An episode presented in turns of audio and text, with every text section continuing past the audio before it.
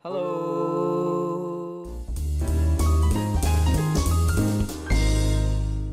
Balik lagi bersama saya di podcast sama yang tak sama. Dan di episode yang ke-6 ini saya mau mencurahkan keluh kesah saya, isi nalar saya yang ya masih bertanya-tanya lah ada apa dengan netizen. Cuy, ngomong-ngomong soal netizen, em, yang pertama kali muncul di pikiran kalian itu apa? Tentu orang-orang yang suka cari sensasi dan orang-orang yang bacotnya udah seakan-akan paling benar. Ya, I know, I know nggak semua netizen yang seperti itu. Cuman menurut saya di Indonesia, khususnya di Indonesia nih ya, hampir rata-rata netizen yang lebih ke hal-hal negatif gitu. Contoh kecilnya yang banyak kita temuin itu seperti hujatan atau hinaan dan lain sebagainya. Saya bukan apa-apa sih, cuman yang bikin saya heran di sini kenapa masih ada aja orang kayak gitu gitu loh. Maksud saya tuh apa nggak bisa ya ngasih saran yang lebih pantas gitu. Misalkan kalau ada kesalahan kalian para netizen netizen bisa pakai cara lain buat nanggepin hal itu gitu. Ya contohnya mungkin kalian bisa ngasih saran, kasih solusi, kasih masukan dan lain sebagainya.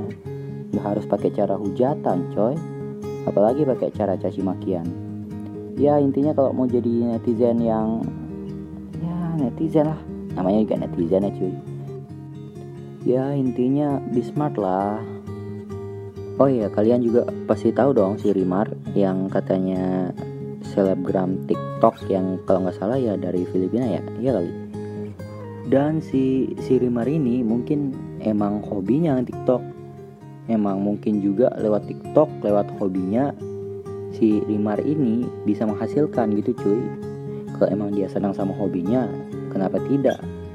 Jadi sebenarnya saya juga ngelakuin hal itu cuy. Kalau emang saya senang kalau emang saya suka ngejalanin hobi saya jadi ya kenapa tidak? Ya gitu aja sih. Media-media saya yang ngelakuin juga saya gitu loh. Ya mungkin si Rimar ini emang enjoy sama hobinya jadi kenapa bisa kalian para netizen yang ribut gitu loh yang sibuk hujat sana sini? Dan juga saya heran nih si Rimar ini kan seleb yang seleb TikTok ya kayaknya seleb TikTok cuy. Asalnya dari negeri seberang cuy. Kenapa kalian yang di Indonesia yang sibuk nyari kesalahan orang lain? Gitu loh. Dan untungnya buat kalian itu apa? Untungnya di kalian itu juga apa gitu loh. Dan ada lagi nih yang baru-baru ini eh bukan baru-baru sih udah dari beberapa bulan yang lalu sampai saat ini mungkin masih ya ini masalah yang virus-virus gitu yang COVID-19 ya. Ya itu sih. Ya kita tahu dong virus ini sangat amat berbahaya cuy. Iya kan? Serius ini ini ini serius loh. Tapi yang saya heran lagi ini ini heran lagi saya ini sama netizen nih. Tapi masih ada aja orang netizen yang netizen yang power sotoynya lebih dari cerdas cuy. Heran aja gitu sampai ada tuh yang beranggapan yang bilang ya jangan takut virus ini cuma isu mati di tangan Tuhan ada nih ya saya kasih tahu nih buat kalian para netizen netizen yang super duper wow sedunia Hey, semua orang juga tahu mati itu dengan mati itu di tangan Tuhan, cuy. Semua orang juga tahu itu. Tapi seharusnya kalian tuh menghargai usaha mereka. Bukannya antisipasi lebih baik daripada berobat, iya kan? Dan virus ini juga emang serius adanya, cuy. Banyak yang di luar sana yang udah tertular, yang mati, yang ketakutan. Jadi jangan nyepelein hal yang gini-gini lah. Jadi tolong hargai hak mereka gitu. Kamu kalau mau mati mati aja sendiri, jangan ngajak-ngajak gitu cuy. Dan ada juga nih cuy, sampai teriak-teriak di sosial media nyalahin pemerintah, nyalahin aparat. Ya ini kayaknya bocah deh ini. Ini kelas 2 SMP kayaknya kalau nggak salah nih. Sok-sok berpolitik apalah segala macam. Dia dia itu tulis di apa sih jadi story eh bukan story sih kayak status gitu dia nulisnya kenapa sih masjid ditutup sedangkan pasar enggak cuy kalian para netizen kalau mau demo tuh langsung ke kantor bapak presiden aja biar langsung didengerin gitu loh.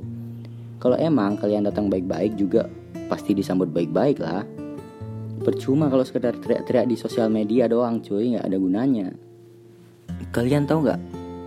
Presiden bapak presiden kita pak jokowi juga berusaha keras buat belain kita cuy.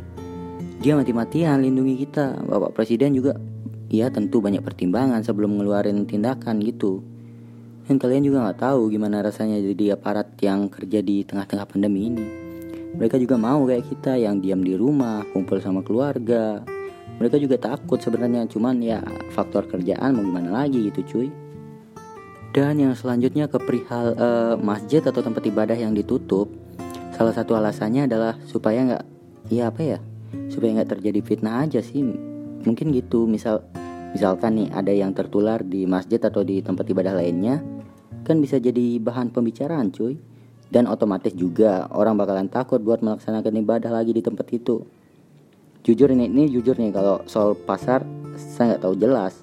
Mungkin emang orang-orangnya susah diatur cuy. Ya sekian dari saya buat para netizen yang sotonya lebih dari wow. Semoga ke depannya lebih pakai otaknya lah Baiklah, sekian dari saya. Ketemu di next episode.